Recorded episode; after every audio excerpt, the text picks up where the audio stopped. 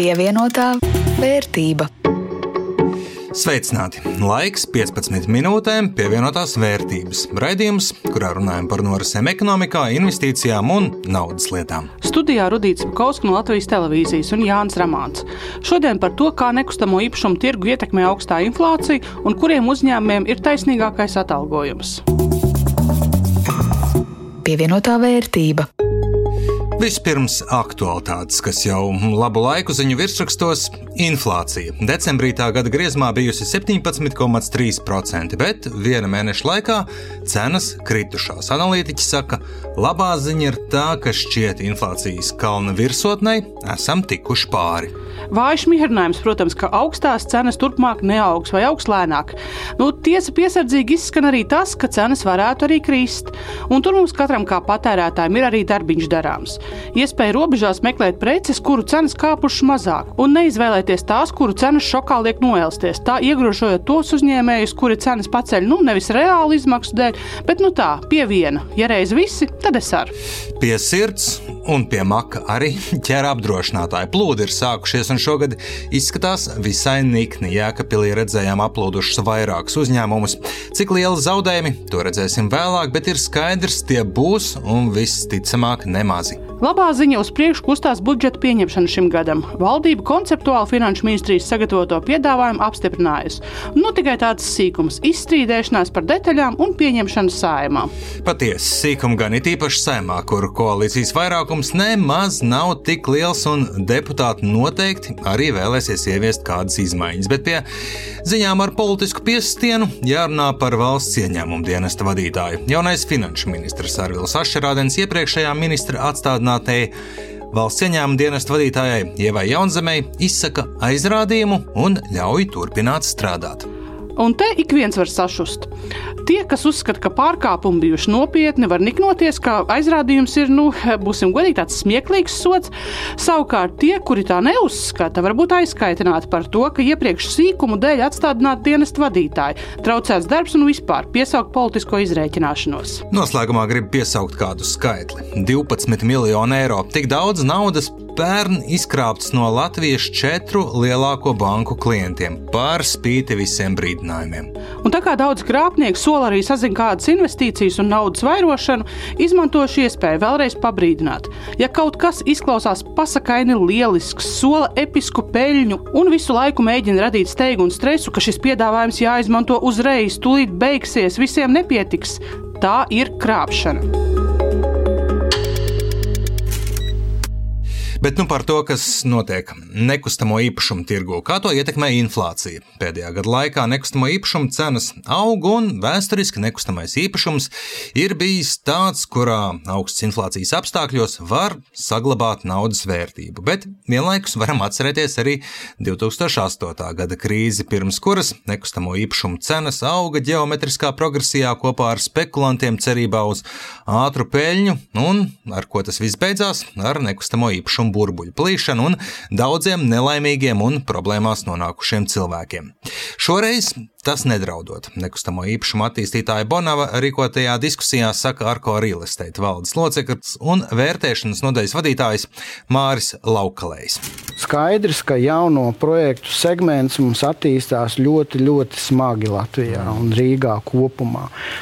Tā kā pilnīgi noteikti varu teikt, ka, ja ir kādam bažas par to, ka teiksim, tirgus pārkārst, jau mums sagaida teiksim, cenu kritums, ja, par jaunajiem projektiem es noteikti teiktu, nē, ka šāda pārkaršana un cenu krituma mums noteikti nebūs. Varbūt mums nebūs strauši pieaugums šajā gadā, bet kritums noteikti nebūs. Par vecajiem ir zināmas bažas jā, pēdējo notikumu gaismā par to tehnisko stāvokli, bet es nedomāju, ka tur būs būtisks kritums. Jā, viņš varbūt tur būs kaut kāda mīnus 5% robežās. Nav īsti kam pārkarst. Ja runājam par jauno mājokļu tirgu, tā piebilst Laukalējs, un viņa teikto apstiprina arī nekustamo īpašumu attīstītāja Bonava Latvija pārdošana ražošanas un mārketinga vadītājs Kaspars Ekša. Līdz ar straujo būvniecības cenu un tagad arī darba spēka izmaksu kāpumu daudzi projekti apturēti, gaidot labākus, prognozējamākus laikus. Un dotajā brīdī tā situācija ir tāda, ka nu, mēs redzam, ka ir kaut kādas jau pozitīvas iezīmes jau saistībā ar būvmateriālu cenām. Par to, vai tuvākajā laikā mm, kļūs krietni lētāk, nu, es gribētu teikt, ka diez vai. Nu, mēs redzam, ka tieši šajā periodā, kad sākās karš, tad ir arī ļoti nu, virkni attīstītāji, kas šo attīstību bija iesaldējuši nu, ar, ar domu, ka iespējams kaut kad nākotnē tā cena varētu normalizēties. Bailēs varbūt šo investīciju kaut kādā mērā nerealizēt vai realizēt ar kādu negatīvu peļņas rādītāju. Tad nu, vienkārši ir daļa, kas vienkārši iesaldējam, visu mēs tagad neko nedaram, mēs gaidām. Mēs savukārt ja pārskatījām mazliet cenas, bet mēs bijām devuši solījumu klientiem, nu, tiem, kas jau bija nopirkuši jau sākuma stadijā, ka mēs tomēr šos projektus realizējam, un mēs gājām uz tādu tā kā, nu, savu kalkulētu risku, un mēs šos projektus arī īstenojam mm -hmm. līdz galam.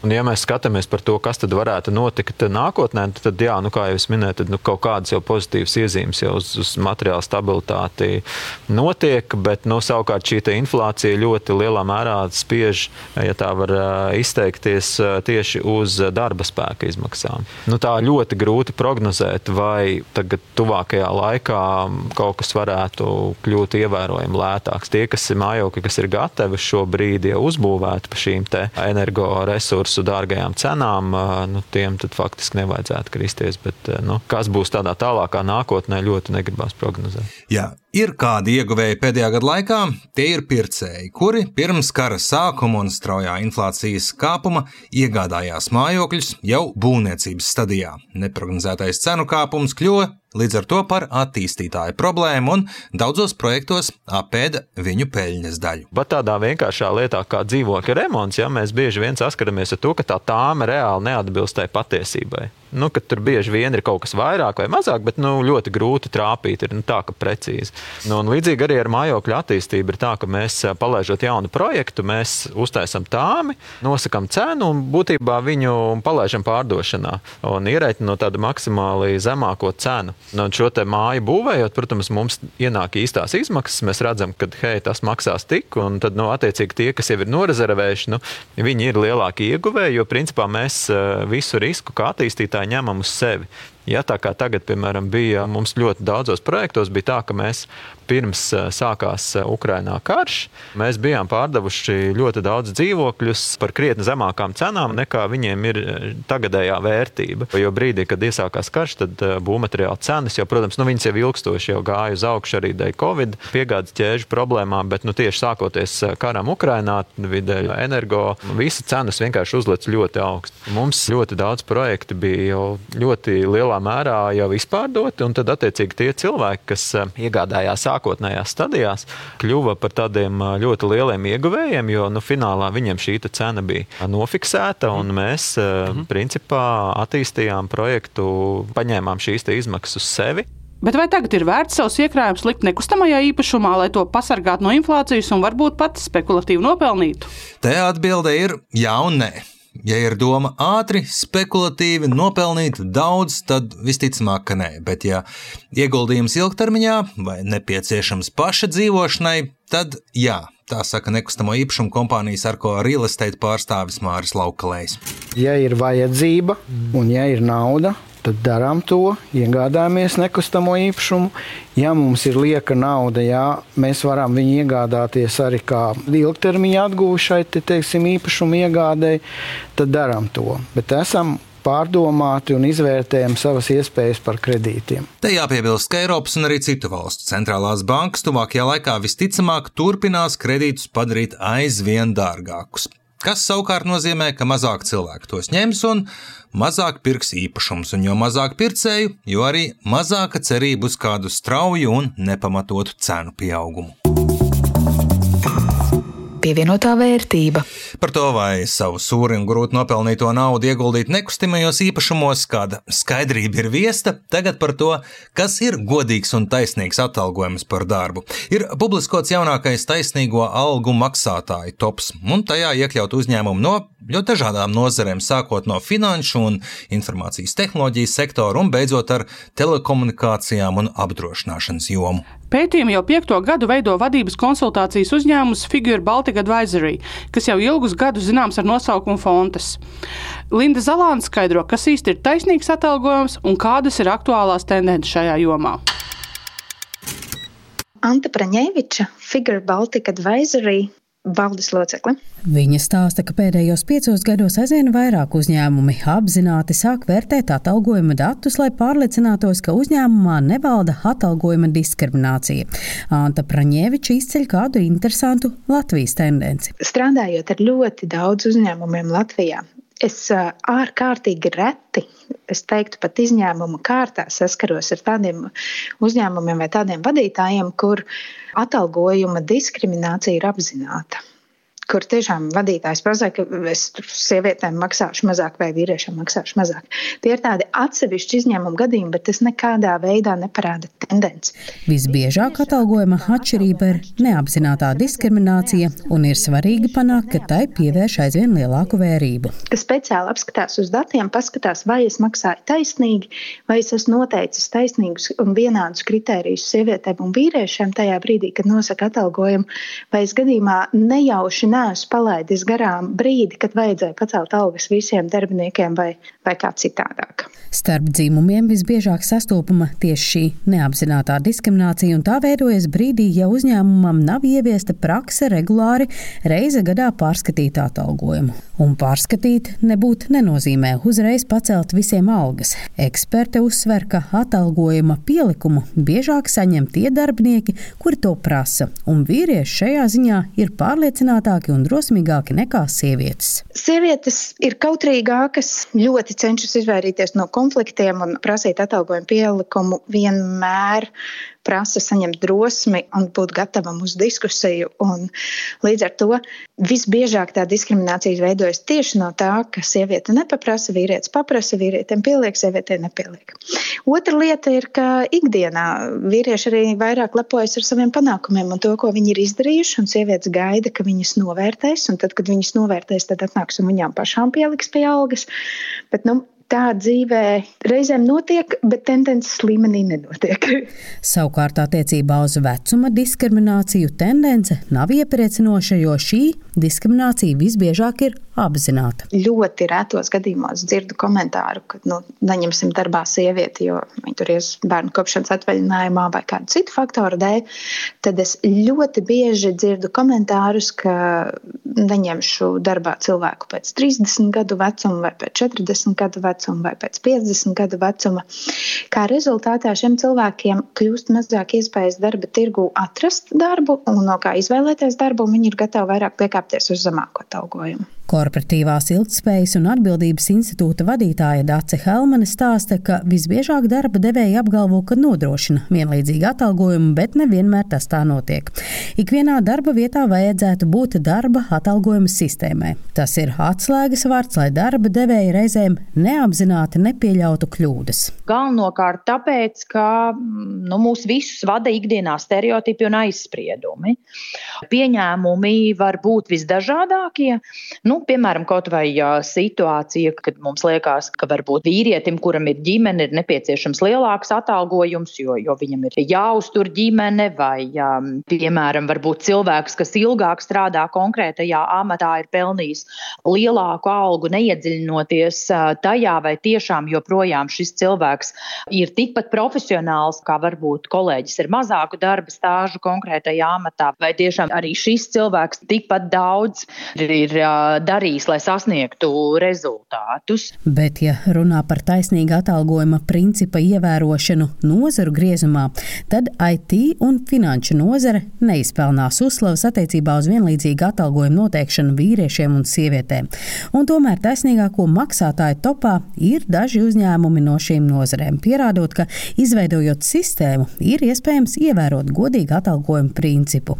IT uzņēmuma Accenture talantu studijas vadītāja vadītāja Baltijās Zanda Ārnava teica, ka panākuma pamatā ir divas lietas - izveidota atalgojuma sistēma un uzņēmuma vadības fokus, lai šo sistēmu realizētu dzīvē. Šie noteikumi attiecās jau uz kuru darbinieku, kuru mēs pieņemam pie sevis. Un mēs neskatāmies, vai tas ir vīrietis, sieviete, cik viņam ir gadi. Vienīgais noteikums šeit ir viņa zināšanas. Un to, ko viņš var izdarīt un kā viņš tiek novērtēts pēc tehniskajām intervijām. Un viss, jā, ir gadījumi, tātad mūsu piedāvājumu cilvēki saka, nē, es gribu vairāk, nu visticamāk tādā situācijā mēs arī sakam, nu, mēs gribam vienādu attieksmi pret visiem, gan pret jums, gan arī pret tiem cilvēkiem, kas pie mums strādā, līdz ar ko, nu, varbūt sadarbosimies kaut kādā nākotnē, bet ne šodien. Svetbank dažādības un iekļaušanas jomas vadītāja Inese Blau-Brēķa stāsta, ka uzņēmums sākotnēji noteica ambiciozu mērķi, ka atalgojuma atšķirība vienādiem amatiem un vērtējot identiskus kritērijus būs nulles robežās, bet saprata, ka dzīvē to būtībā nav iespējams ieviest. Šobrīd mēs esam sev noteikuši, ka mēs vēlamies noturēties tad, tad, par līdzvērtīgu darbu līdzvērtīgās pozīcijās 1% robežās. Un lielākoties mums tas izdodas, bet ir, protams, ka lomas varbūt atšķirīgas, kur varbūt ir uh, vairāk. Bet uh, tas ir ikdienas darbs, ko nu, tā nevar ļoti vienkārši izmainīt. Proti uzņēmuma iekšējā tīklā ir publiskota informācija par amatu grupām un atalgojumu līmeni tajās. Tas nozīmē, ka ik viens darbinieks redz uzņēmuma izveidoto atalgojumu sistēmu. Linda Zalāne, Latvijas radio. Vēl mums atlicis ielūkoties, kas notiek Baltijas akciju tirgu. Tur joprojām jaunā gada optimismu saistītā nedēļa gada sākuma pozitīvās tendences ir turpinājusi. Rīgas biržas indeks augšu par 0,33%, Viļņā 1,25% plusā, bet straujākais kāpums Tallinā - plus 2,35%. Jā, patīkamas ziņas skatos arī savā ieguldījuma portfelī. Tur plus 12 eiro nedēļas laikā ir klāt, un tātad 446 eiro plus 15 eiro vēl man stāv neieguldīti. Minu, ka man šobrīd ir izdevies mazliet atrauties no tava portfeļa, Rudīt, um, aizītajā nedēļā bija jau man tā bīstami tuvu vērtības ziņā. Jā, jā, ir izdevies tev šonadēļ nedaudz atrauties. Mana portfeļa vērtība šobrīd ir 440,95 eiro, un vēl nepilnīgi 2 eiro neieguldīti. Tā kā tu vēl esi priekšā. Ar to arī skan šīs nedēļas raidījums pievienotā vērtība. To jums veidoja Jānis Ramāns un Rudīts Pakauska no Latvijas televīzijas par skaņu rūpējās Renārs Šteimanis. Atgādīt, ka šo un iepriekšējos raidījumus var dzirdēt ne tikai radio ēterā, bet arī jūsu iecienītākajās raidierakstu straumēšanas vietās un arī Latvijas radio aplikācijā. Uz tikšanos!